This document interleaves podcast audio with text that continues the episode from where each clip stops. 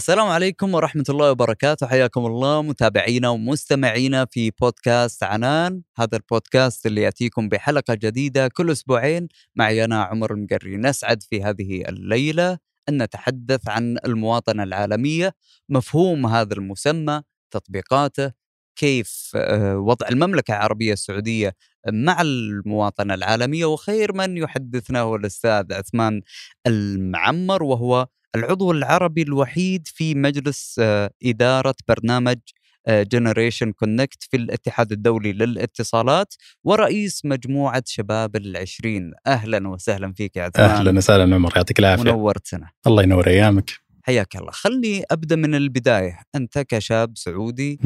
آه، يعني آه، مشى في حياته مثل أي شاب سعودي.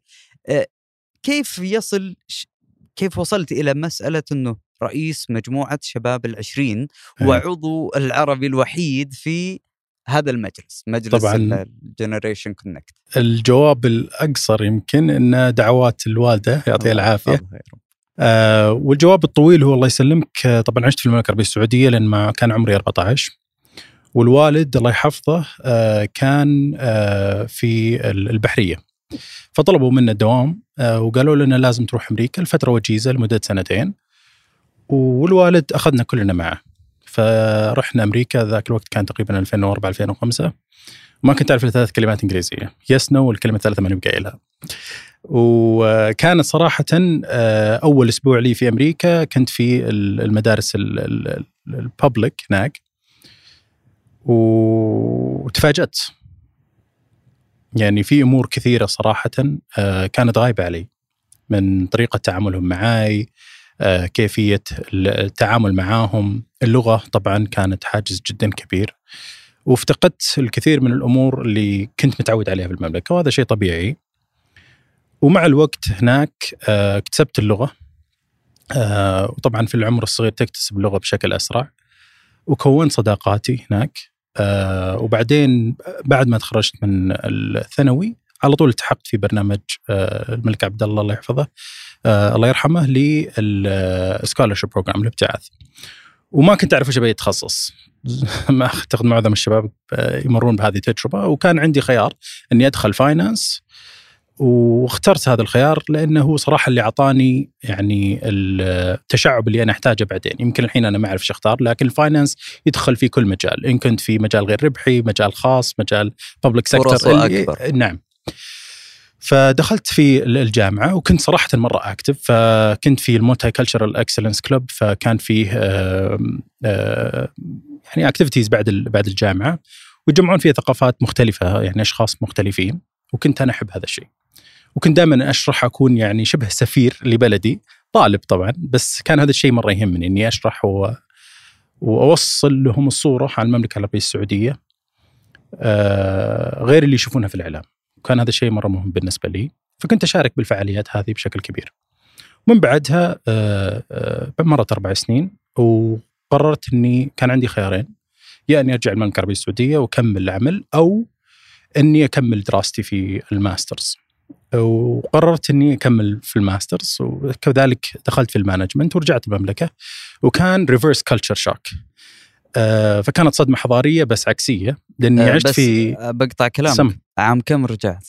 رجعت عام 2014 okay علشان نعرف إحنا الأجواء اللي كانت بالضبط. فيها. فكانت عشر سنين تقريبا. طبعا كل سنة أجي فكل سنة يصير في update لي يعني في المملكة لكن يعني تعودت لفترة طويلة في في في أمريكا على حياتي هناك. لما رجعت جت لي ال reverse culture shock وتغيرت علي أمور كثيرة.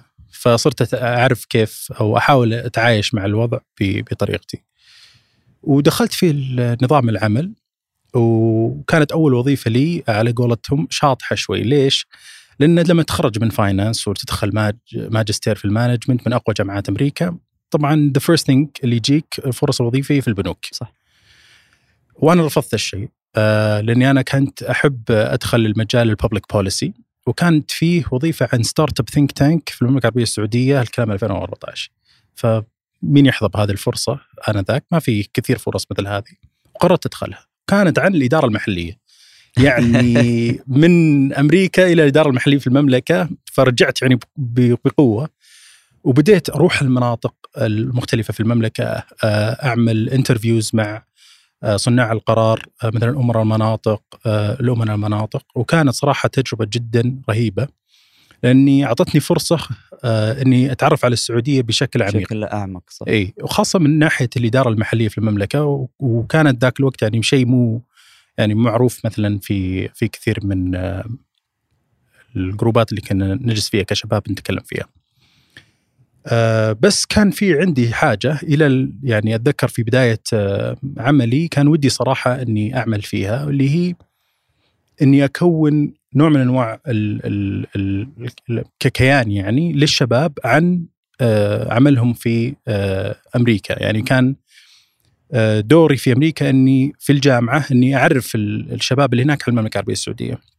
فكنت ال reference point فأي شيء يصير عثمان. عندكم عثمان. اي فكان ودي إني أشرح هذا الشيء وأشجعه في المملكه العربيه السعودية للشباب اللي هناك في ال scholarship program وكملت في عملي في في المملكه العربيه السعودية وجتني فرصة إني أشتغل في دبي في consulting وبعدها جت مسك.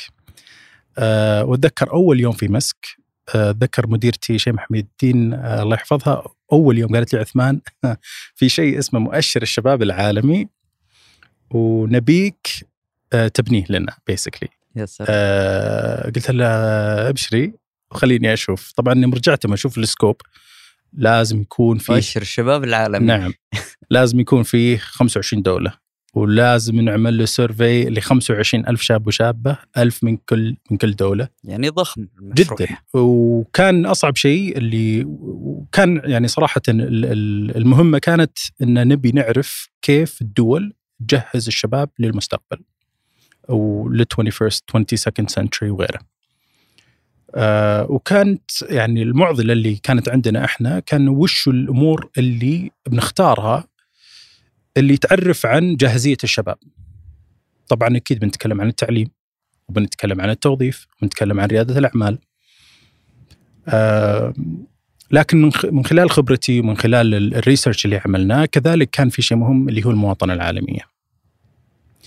فلما نتكلم عن المواطنة العالمية إحنا ما مو بس نتكلم عن والله هل أنت على دراية فيما يصير خارج المملكة ولا خارج دولة معينة أو الدولة اللي تنتمي لها بس كان كذلك هل أنت active في هذا المجال؟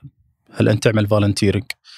آه، هل أنت آه، تعرف مثلا وش اللي صاير في ال international organizations مو فقط في الأخبار ولا sports ولا غيره؟ فكان هذه إحدى من الأمور، هل تعرف مثلا تتعامل مع ثقافات مختلفة؟ هل لك تقبل أم لا؟ فكان هذا الشيء ودنا أن إحنا آه، نضيفه في ال index. وحطينا له domain خاص فيه، طبعا ال index في 2018 اللي هو أول سنة عمل فيه آه، فالمؤشر كان يتكون من خمس آه، ركائز رئيسية. الأول اللي هو التعليم. طبعا التعليم هنا بس ما نتكلم فقط عن التعليم من الصف الأول إلى الصف الأخير ال 12 بس كذلك بعد التخرج من الثانوي نضيف اليه التعليم العالي.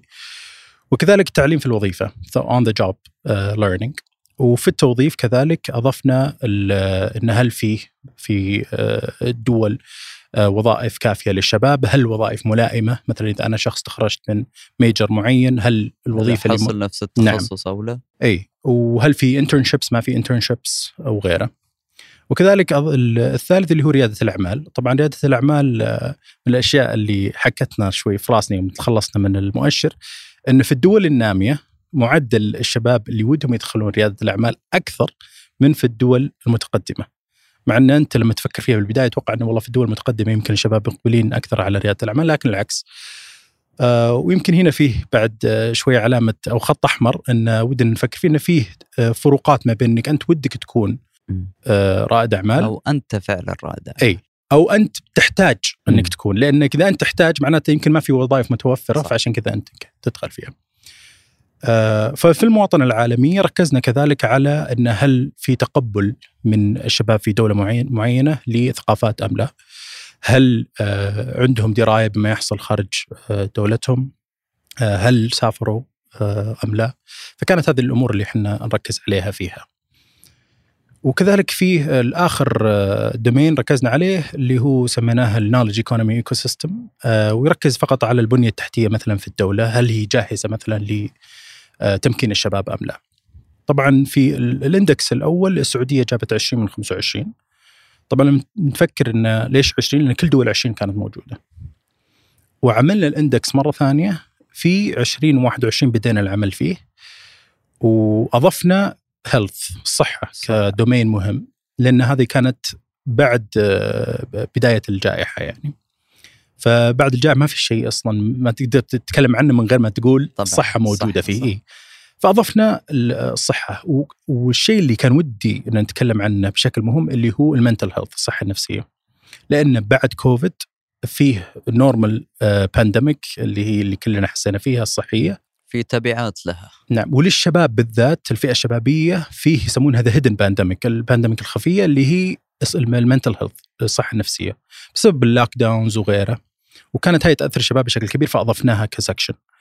وكذلك كملنا بإضافة ال- ال- المواطنة العالمية في في المؤشر هذا. فعملناها في 2018 وفي 2021 وانتهت في 2022 وتم آه، الإصدار الإندكس الأخير. آه، والسعودية 17 من 30 أضفنا خمسة دول كذلك فتحسنت من آه، من 20 ممتاز. هذا اذا خلينا نقول ال- الحديث بالمجمل عن ال- القصة الشخصية اللي دعتك للدخول إلى مم. غمار خلينا نقول ال- ال- الحوار العالمي اللي مم. يصير بين الشباب طيب آه، خلينا نتكلم عن المملكة العربية السعودية والمواطنة العال... أو المواطنة العالمية اليوم المملكة العربية السعودية أصبحت آه، آه، هي الوجهة في كثير من المجالات لذلك يجب حتى إنه إذا في رؤية عظيمة لابد أن يكون آه، أن تصل إلى العالم أكثر من إنه تكون داخلية فقط. صح فكلمني عن آه، مكانه المملكة حاليا ومكانه الشباب السعودي في مسألة المواطنه العالميه. أه لما نتكلم إحنا عن ال- في المؤشر نبدأ فيه يمكن أه في المؤشر ال- الأخير أه الإندكس المملكة العربية السعودية حازت على رقم 11 في المواطنه العالمية من بين 30 والدولة الأولى كانت كندا. فالمملكة العربيه السعودية الآن أه في ال Middle East number 1 بفضل التقنية بفضل أشياء آه، كثير؟ بقوتها. يعني. نتكلم عن إحنا الدولة العربية الوحيدة في ال G20 صح. آه، وأقرب مثال لما نتكلم إحنا عن مثلا تجربتنا في ال Y20 آه، جمعنا في 2020 كانت أول G20 في المملكة العربية السعودية وجمعنا الشباب 77 delegates من شتى أنحاء العالم من كل دول العشرين وبعضهم من خارج دول العشرين. فجبنا delegates من إسبانيا ومن ال international organizations مثل ال International Labor Organizations وغيرها و- وكان الهدف ان نجمعهم في المملكة العربية السعودية. آه، طبعا حصل كوفيد وجمعناهم اونلاين آه، لأن الهدف من ال Y20 طبعا ال Y20 هي مجموعة تواصل الشباب مجموعة تواصل الشباب هدفها بشكل عام إنها توصل صوت الشباب لقاده الدول العشرين. هذا ال number 1 جول و والهدف ال- آه، أو طريقة إنها توصل صوت الشباب إنه يكون فيه سياسات عامة للشباب في ال declaration والبيان الختامي لقاده الدول العشرين. فعلى حسب كل سنة كل ما صارت عد عدد ال policies اللي موجودة في البيان الختامي كل ما زاد نجاح ال Y20 ففي سنة آه، 2020 آه، المملكة العربية السعودية آه، كانت من أهدافها في ال G20 الشباب والمرأة فكان هذه فرصة عظيمة لل Y20 لأن ال Y20 تركز على الشباب ومن دول العشرين المملكة العربية السعودية معظمها من الشباب صح. آه فكان هدفنا في ال Y20 إنه ليش ما تكون الري- ال- الريادة أو ال- المواطنة العالمية اللي تخص الشباب هي متمركزة في المملكة العربية السعودية. فعملنا آه، اخترنا ثلاثة areas نركز عليها، ال- ال- الأولى كانت على التعليم، آه، مهارات المستقبل وغيره. آه، الثانية كانت على leadership للشباب، آه، والثالثة كانت على المواطنة العالمية. سميناها- القيادة والمواطنة. إي. كان سميناها ال multiculturalism واللي هي آه، تعدد الثقافات وتحتها فيه ال SDGs اللي هي sustainable development goals ال UN ومنها آه، ركزنا على المواطنة العالمية ليش؟ لأن في اختلاف ثقافات ولم وهذا أصلا يتضح لك من طريقة ال delegations لما يجون يتكلمون أنا شفتكم مرة حتى في طريقة اللبس إي جدا إي يعني. واضح اللي واضح. من أفريقيا اللي صح. من إيه؟ إي وهذا الشيء صراحة جميل يعني صح. إي أصلا في في طريقة الحوار لما يجونك 77 delegates كل واحد منهم متحمس طبعا لأن كلهم شباب آه، أقل من عمر ال 35 وكلهم مميزين في صح دولهم وكلهم مميزين وعلى قولتهم type A personalities ويجونك متحمسين وعندهم policies لازم يكتبونها. مم. فكل دولة طبعا لها اجنده خاص فيها وشبابهم ولهم آرائهم. فيجي لك مثلا بعض الدول يقولون لك ما نبغى fossil fuels ما نبغى شيء اسمه آه، بنزين ولا oil ولا أي شيء وقود ما نبي. طبعا هذا كلام غير منطقي. يعني نتكلم انه كيف يعني.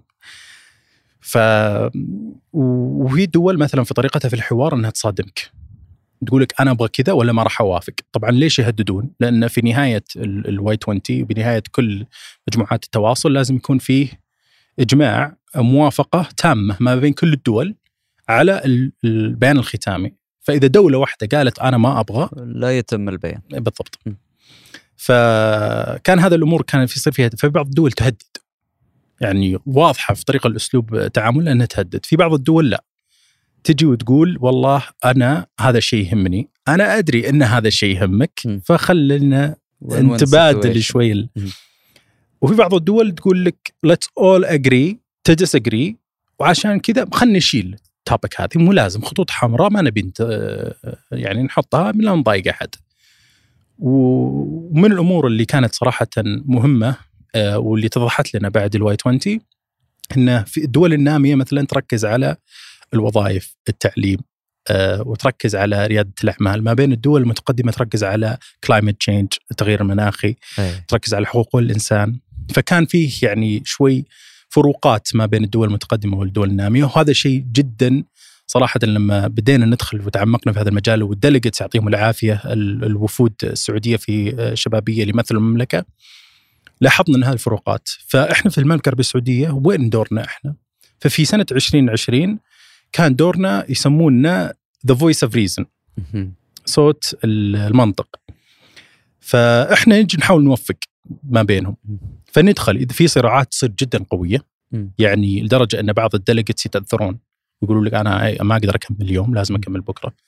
فال delegates يروحون حقين يروحون يكلمونهم. يقولون لهم ترى هدوا الوضع it's okay okay. ترى وي اول disagree وي اول اجري وي might not always agree on this. عادي. إذا هي عملية حوارية يعني حوارية. بحتة. آه طبعا ويصير ياخذ وقته. يعني مع ال مع ال مع الوقت ياخذ آه العمل هذا. آه ويبي له وقت طويل صراحة لين ما يتفقون يعني بشكل عام. فأخذ البروسس من خمسة شهور إلى ستة شهور لما كان في البيان الختامي واتفقنا عليه. بس اللي يعجبني إن صوت المملكة خاصة الشبابي آه قوي جدا ومؤثر. فشبابنا الحمد لله واعيين جدا. وعندهم تطلع وعندهم حماس ويعرفون يوفقون يعني الحمد لله يعني كل ال delegates اللي من سنة 2020 من سنة 2019 الين الآن اللي هذول اللي اعرفهم اللي تعاملت أنا معاهم 1 to 1 جدا رهيبين. ويتصدون يعني في أمور جدا تصير صعبة. ومع ذلك يعرفون يتصدون يتصدون لها وكذا. وبعد حتى لو إنه ما فيه مثلا اتفاق ستيل العلاقه الشخصيه ما ما تتأثر. فأنا بالنسبة لي هذا أفضل مثال للمواطنه العالميه ممتاز. طيب آه، قبل لا نختم خلينا نربط حديثنا برؤية المملكة 2030 و- وأكيد انها هي رؤية طموحة. نعم. و... ومن الأشياء يعني اللي مرتبطة أنت تكلمت إنه في محاور متنوعة تحدثون عنها من ضمنها الصحه من ضمنها ريادة الأعمال. آه، في أشياء كثيرة السعودية تخ... تشترك فيها. مع العالم اتكلم مستقبلا. فلذلك سيكون لهذه المسألة اللي هي ال- الحوار الشبابي العالمي. أهمية قصوى ممكن مو السنة هذه ولكن في الفترات المقبلة خصوصا مع المشاريع الضخمة اللي تصير في. السعودية طبعا لما نتكلم عن vision 2030 مين سفراءه؟ الشباب صح لما أنا الحين اللي حاصل أصلا في معظم ال international organizations صار عليها تركيز جدا قوي على على الشباب.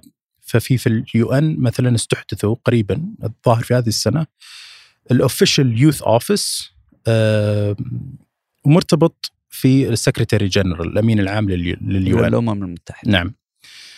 فالشباب الآن بدأوا يركزون عليها ال international organization واحدة منها اللي هي الاتحاد الدولي للاتصالات اللي أنا فيها منبر الآن صار لهم تقريبا آه، قبل سنتين استحدثوا ال Generation Connect program واللي هو يرأس آه، الأعمال الشبابية في الاتحاد الدولي للاتصالات. طبعا السؤال اللي يراود الأشخاص الآن إن ليش الشباب؟ وشمعنى إن هم الشباب الآن يب- يكون التركيز عليهم؟ آه، والشباب حاليا لما نتكلم عن عدد الشباب في حول العالم اللي هم أقل من عمر 30 تقريبا 50% من سكان العالم و90% تقريبا يعيشون في دول نامية. م. فال international organizations مقراتها في دول متقدمة عادة وما يقدرون يوصلون بطريقة سهلة للشباب في الدول النامية، فهذه إحدى الطرق إنهم يتوصل يوصلون لهم. فإحنا في المملكة العربية السعودية لازم دورنا إحنا كشباب إننا نكون متواجدين في المحافل العالمية في البرامج العالمية هذه لأن لازم يكون صوتنا مسموع عند متخذي القرار هناك. فلما نتكلم عن مثلا دورنا إحنا في الرؤية، الرؤية كشباب أنا أشوف إن دورنا الرئيسي هو نكون سفراءها، طبعا السؤال اللي يجي كيف وش- وشلون أوصل لها؟ في برامج في المملكة الآن آه، تقام، واحدة منها مثلا برنامج الأصوات المتمكنة في مؤسسة مسك الخيرية وفي كذلك سلام برنامج سلام. والهدف من هذه البرامج إنها تصنع آه، قاده في مجال المواطنة العالمية يمثلون المملكة العربية السعودية في المحافل العالمية. والتمثيل عادة ما يكون فقط في الحضور. لأن الحضور هو يومين ثلاث أيام في إيفنت. ال- الحبكة في ال- السنة كاملة. ال- الأعمال الرئيسية. كيف إني أنا أكون في البرامج اللي تختار ال content اللي يكون في ال event. كيف أنا أكون في ال policies للشباب اللي تصنع. كيف إني أنا أكون part of البيانات الختامية. يعني وجودك يكون مؤثر و... نعم. ويشكل فرق. إي أكيد. لأن بالنهاية ترى هذه هي اللي بتبقى. ال event بيكون شيء جميل وبيصير لكن بيبقى ال resolutions فهذا شيء جدا مهم وجدا يعني دور مهم لشبابنا. وشبابنا صراحة يعني شهادتي فيهم مجروحة. أه وبتسمعون بعد شوي. يسر وحمد يحكوا لكم عن قصتهم في الواي 20 أسعدك الرحمن يا عثمان. جزاك الله شكرا خير. جزيلا. نورتنا. إذا في أي. شيء تبغى تضيفه ترى المجال مفتوح. أنا الشيء الوحيد اللي أضيفه دائما دائما يجيني السؤال إنه وش النصيحة ودك تعطيها الشباب؟ آه فيه مثل سمعته في أحد ال events يقول لك the best way to create the future is to make it yourself. فأفضل طريقة إنك تقدر تنبأ بالمستقبل إنك أنت تصنع بنفسك. فكون proactive وتوكل على الله. منطلق. انطلق حفظك الرحمن. شكرا جزيلا لك عثمان. المعمر رئيس مجموعة شباب العشرين ومن يمثلنا في المملكة العربية السعودية في هذه المجموعة وكذلك العضو العربي الوحيد في مجلس إدارة Generation Connect المهتمة في عالم الاتصالات.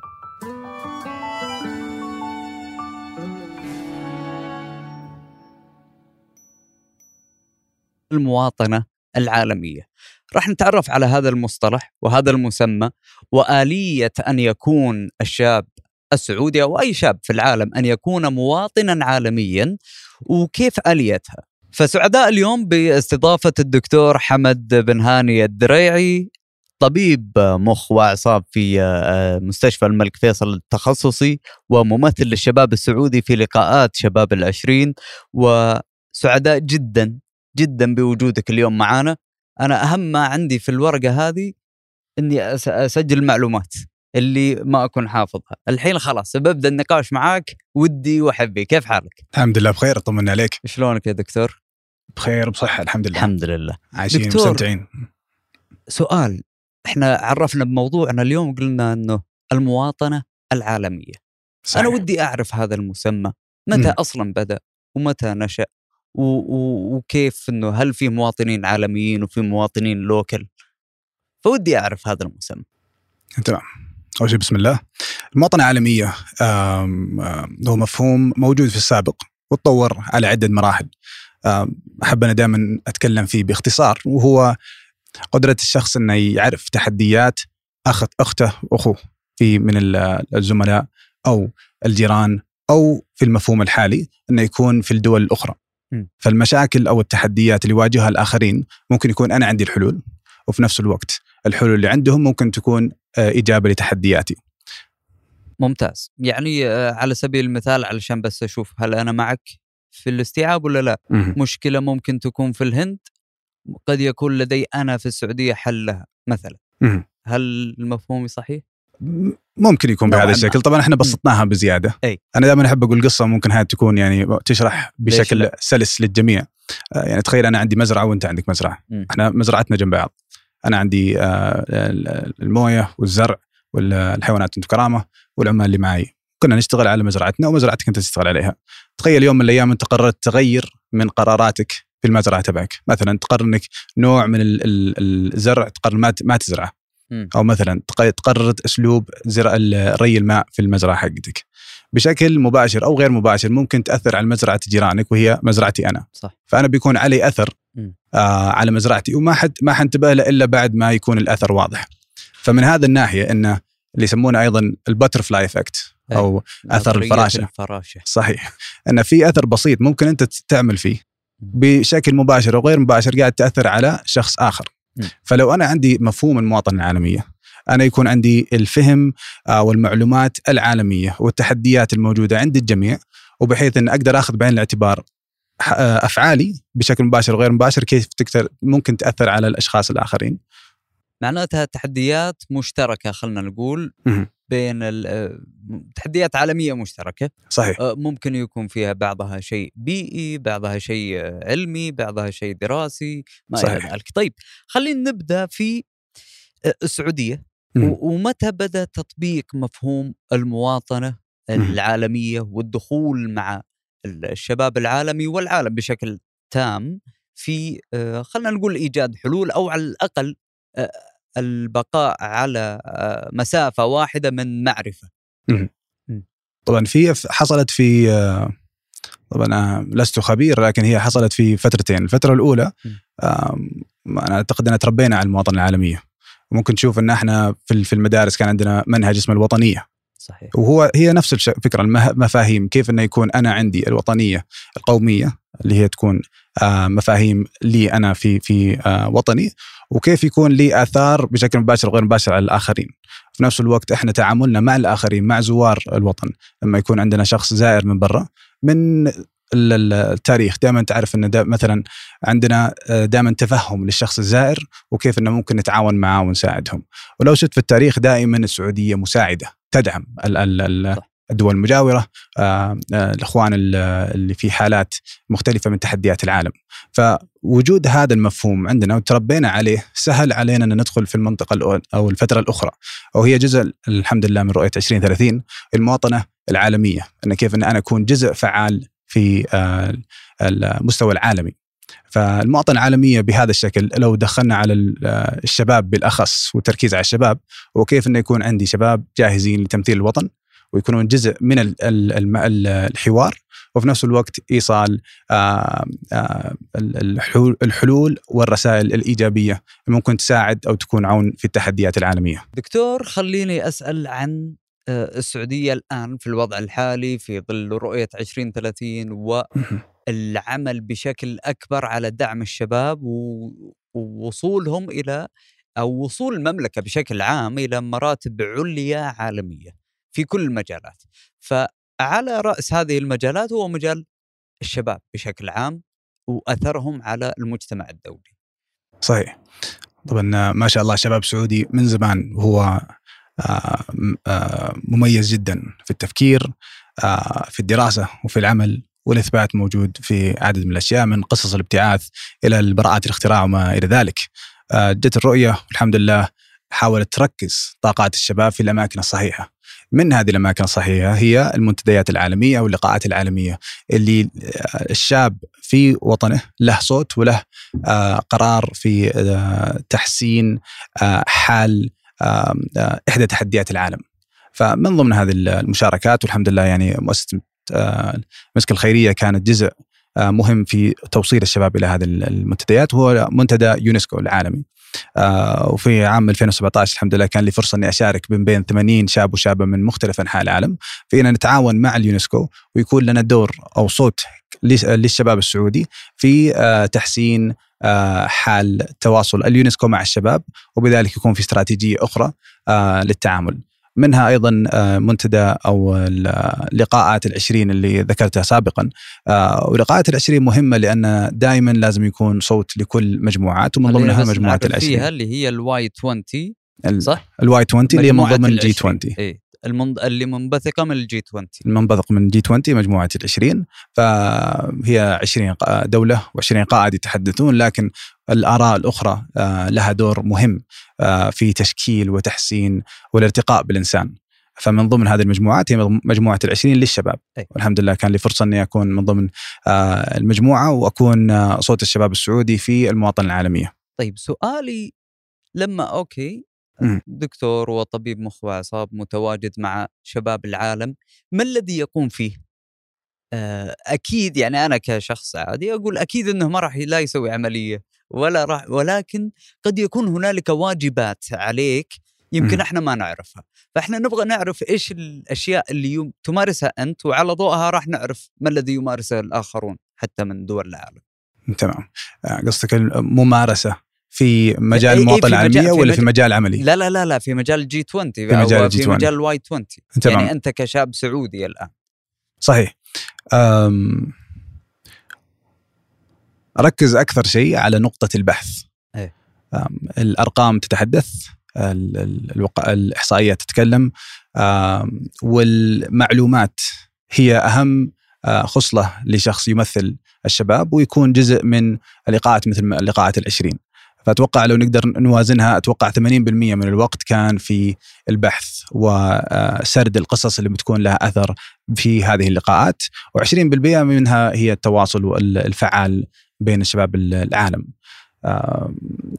طبعا عملي كطبيب أتوقع كان له دور كبير جدا في إني أكون شخص فعال الحمد لله ومن ثم الشباب الآخرين اللي شاركوا في هذه اللقاءات لأنه يعتمد بشكل كبير على الأبحاث وأيضا يعتمد على التواصل بشكل كبير مع آه، المصابين بالأمراض واللي يأتون عندنا في المستشفى.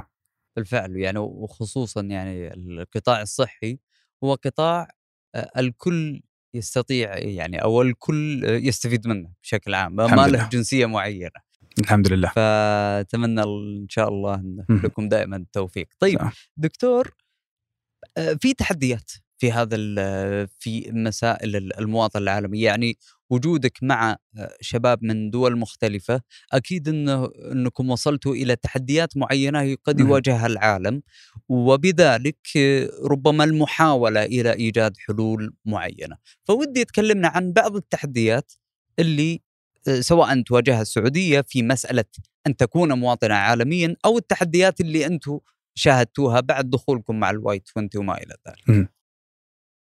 طبعا التحديات ال- ال- العالمية تكلمنا عنها آه، ممكن أنت شفتها في تويتر مثلا أو في المنصات الاجتماعية المختلفة. آه، التحديات العالميه هي يعني عرضة ممكن الجميع يشوفها ويتعلمها لأن هي تحديات واقعية في حياة الأشخاص اللي يمارسونها. ففي اللقاء العشرين استطعنا أن نتحدث ونتحاور في كل تحديات شخص مر فيها من منظوره الشخصي آه، ومن الحال اللي موجود في ال- في العالم حاليا. وأهم من ذلك انها كانت اللقاءات عبارة عن آه، جلسة آه، نقاش وتحليل التحديات عشان نوصل إلى عدد من ال- الحلول. لأن لكل تحدي عدد من ال- ال- الحلول. لو نركز على التحديات اللي ممكن ذكرت في آه، لقاءات العشرين آه، أهمها وأكثر شيء نوقش هو ال- المناخ وأيضا البيئة وكيف ممكن نهتم في البيئة ونهتم في المناخ ومن ثم التركيز لأن إحنا وطن آه، يهتم في الطاقة وخاصة في الطاقة المتجددة كيف ممكن نكون نتحدث ونعبر عن الحلول في الطاقة المتجددة اللي موجودة عندنا حاليا وإن شاء الله تكون من أهم جوانب الطاقة. من ناحية البيئة أيضا الحفاظ على البيئة. فالحمد لله الآن عندنا نماذج في الحفاظ على البيئة. آه، آه، واستطعنا أن سرد هذه ال- ال- النماذج في البيئة. وأيضا است- اتخاذها كنموذج ممكن يستفيد يستفاد منه من بين مثل شباب اللقاءات الأخرى. مبادرة السعودية الخضراء أو كانت مبادرة الرياض الخضراء ثم كبرت أصبحت مبادرة السعودية الخضراء إلى أن أطلقت وأصبحت مبادرة الشرق الأوسط بشكل كبير. صحيح. وهذه الأفكار إن هي تبدأ بشكل بسيط مم. من ثم تكبر أكثر وأكثر. أنا بدأت بخطوة بسيطة. آه هذه الخطوة البسيطة تدخلك إلى مجال أكبر وأكبر. آه وهي يسموه إنك تحط حجر الأساس للحل ومن ثم يعني يتفرع الحل إلى حلول عديدة. ممتاز. طيب دكتور بعد ال- ال- الخبرة والسنوات هذه مع الشباب في العالم وسنوات الدراسة وما إلى ذلك آه، ما هو الأثر اللي يتركه عليك آه، أو تركته عليك هذه التجربة؟ المواطنة العالمية آه، أو كيف إنك ممكن تترك أثر في المواطنة العالمية آه، هي يسمونها 5 L's اللي هي listen, learn, link, leave and lead. الحين ناخذها بال- بال- بالعربي. بالعربية آه، النقطة الأولى هي اللسن أو الإنصات. فأنا عشان أكون مواطن عالمي لازم أنصت أكثر مما أتكلم. لازم أستمع لل... لل... للأشخاص اللي موجودين في الطاولة. لازم أشوف الحالات الموجودة حاليا. لازم أدرس التحديات الموجودة حاليا. النقطة الثانية هي learn. أو أن أتعلم. فلازم أتعلم آه هذه التحديات من عدة منظورات مختلفة. وهذه كانت من أحد الأشياء اللي تعلمناها وإن شاء الله يكون آه من المهارات اللي يكتسبها الشباب لما يكونوا في هذه اللقاءات. لما أشوف المشكلة من منظور مختلف من منظور عربي غير لما أشوف من منظور غربي غير لما نشوف من منظور آخر. آه الأبعاد لمشكلة واحدة أو تحدي واحد عديدة. فلازم تكون عندك صورة متكاملة. لازم اشوفها من منظوري أنا كشخص في الوطن العربي غير شخص في الدول الأوروبية كمثال. النقطة الثالثة هي اللينك أو ال- الروابط. الحل ما حيكون حل سهل إلا إذا كان الجميع يشترك فيها. آه، فلازم إحنا نبني روابط بيننا إحنا كشباب اللي يكون عندنا استمرارية في التحدث والتواصل وإنشاء الحلول. النقطة الرابعة هي ليف أو إنك تترك. وهذه جاء النقطة اللي أنا كنت بتكلم فيها إنك كيف تترك أثر. أنت ما تقدر تترك أثر إذا أنت ما تركت المكان. وهذا ال- الأثر هو إنك تضع عدد من ال- ال- أو كمية هائلة من الجهد في حل وتترك الحل آه إنه يكون آه موجود بين الناس والناس يستفيدون منه وتبعد عن المكان. وتشوف هل هل الحل مستدام قاعد يستمر في آه، آه، تحسين الحال وارتقاء في ال- الإنسان وتحسين التحدي أو لا. وإذا ما كان نرجع ونعيد ال- ال- المشكلة النقطة من من جديد وفي النهاية ليد أو إنك تكون قائد. فلازم إحنا نكون قا... نكون آه، قادة في آه، نكون آه، في حل يعني. في التغيير وفي أيضا إبراز الحلول لتحديات العالم. ودائما يقولون المبادرة وتكونوا مبادرين. صحيح. فإذا ما بادر الشباب من اللي يبادر؟ صحيح. لكن المبادرة هي النقطة الأخيرة. آه. أو لازم نبدا بالإنصات بالتعلم أي. بالربط ومن ثم إيه، ترك الأثر هو بعد ما تنهي هذه الخطوات. خلينا نقول لك صحيح تنطلق ان أثر المبادرة تعتمد على كل العمل السابق اللي ذكرناه صح. سابقا المبادرة بدون تخطيط وبدون استماع وبدون صحيح وبدون كونكشن ما لها أسعدك الرحمن يا دكتور نورتنا ونورك وكان حديث شيق وماتع معك. وأتمنى إن شاء الله لك دوام التوفيق. بإذن الله. وإذا في شيء تبغى تضيفه المجال مفتوح لك. ممكن تكون رسالة الأخيرة للشباب. ان المناصب هذه في اللقاءات الشبابية أو المنتديات العالمية هي مسؤولة مسؤولية آه وهذه المسؤولية تعتمد بشكل كبير على الاستعداد. آه جلوسك في آه طاولة الحوار هذه آخر خطوة ممكن تعملها. ويسبقها 99 خطوة لازم تشتغل عليها. وكل هذه الخطى هي عبارة عن التواصل والتعليم والبحث آه والاستعداد للحوار. لأن نقطة اللقاء عبارة عن وقت محدد لإبراز رسالتك آه، أو صوت الشباب السعودي من ضمن أصوات عدة لشباب العالم. فكيف أنه يكون صوتك وزن كيف يكون لصوتك آه، وكلمتك قوة هي من خلال البحث من خلال المعلومات الصحيحة من خلال الأرقام ومن خلال آه، النية أنك تبغى تكون مساعد وداعم لتحديات العالم. دكتور حمد بن هاني الدريعي نورتنا وأسعدتنا. شكرا جزيلا لك. الله يعطيك ألف عافية.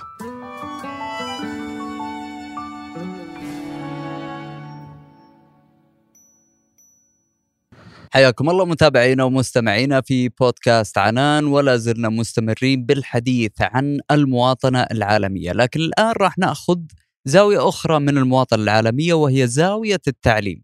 معي الأستاذة يسر العتيبي. أهلا وسهلا فيك نورتينا.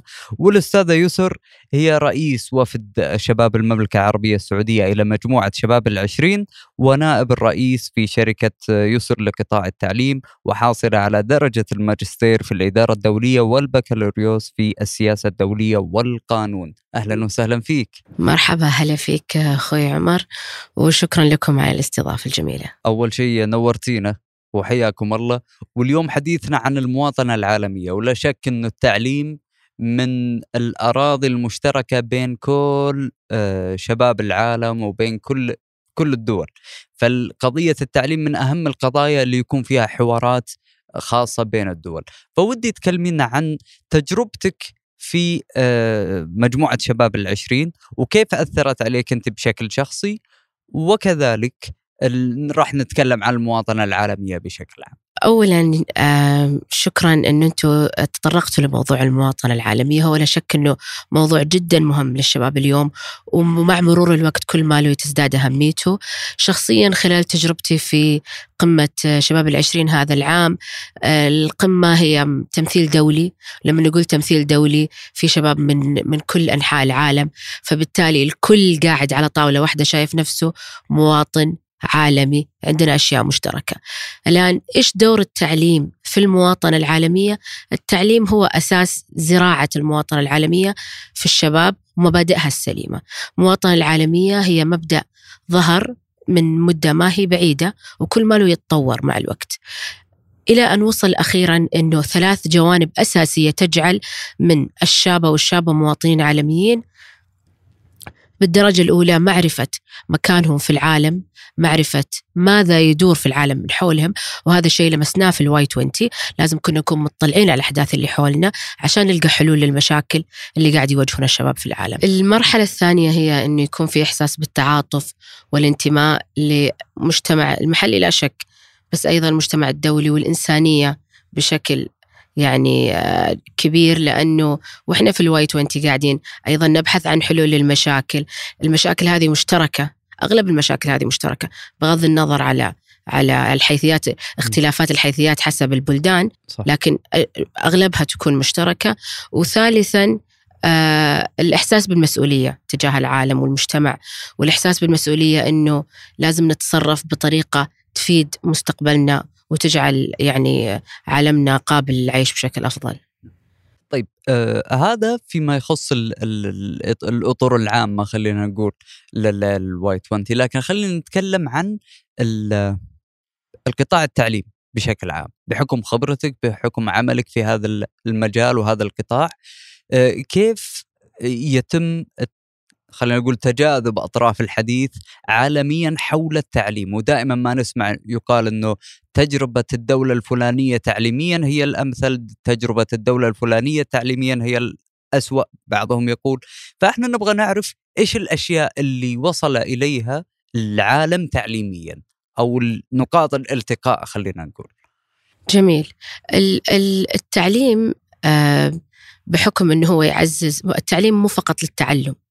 التعليم كمان للمواطنة الجيدة خصوصا مبدأ التعلم المستمر أو ال lifelong learning طول ما الإنسان قاعد يتعلم فهو قاعد يكتسب أشياء جديدة قاعد يكون عنده اطلاع على اللي قاعد يدور حوالينه. نرجع لمفاهيم المواطنة العالمية يطلع يكون عنده معرفة بالأشياء اللي حوالينه يكون عنده تعاطف لل- لل- للأش- للأشياء المشتركة مع المواطنين العالميين من أماكن مختلفة.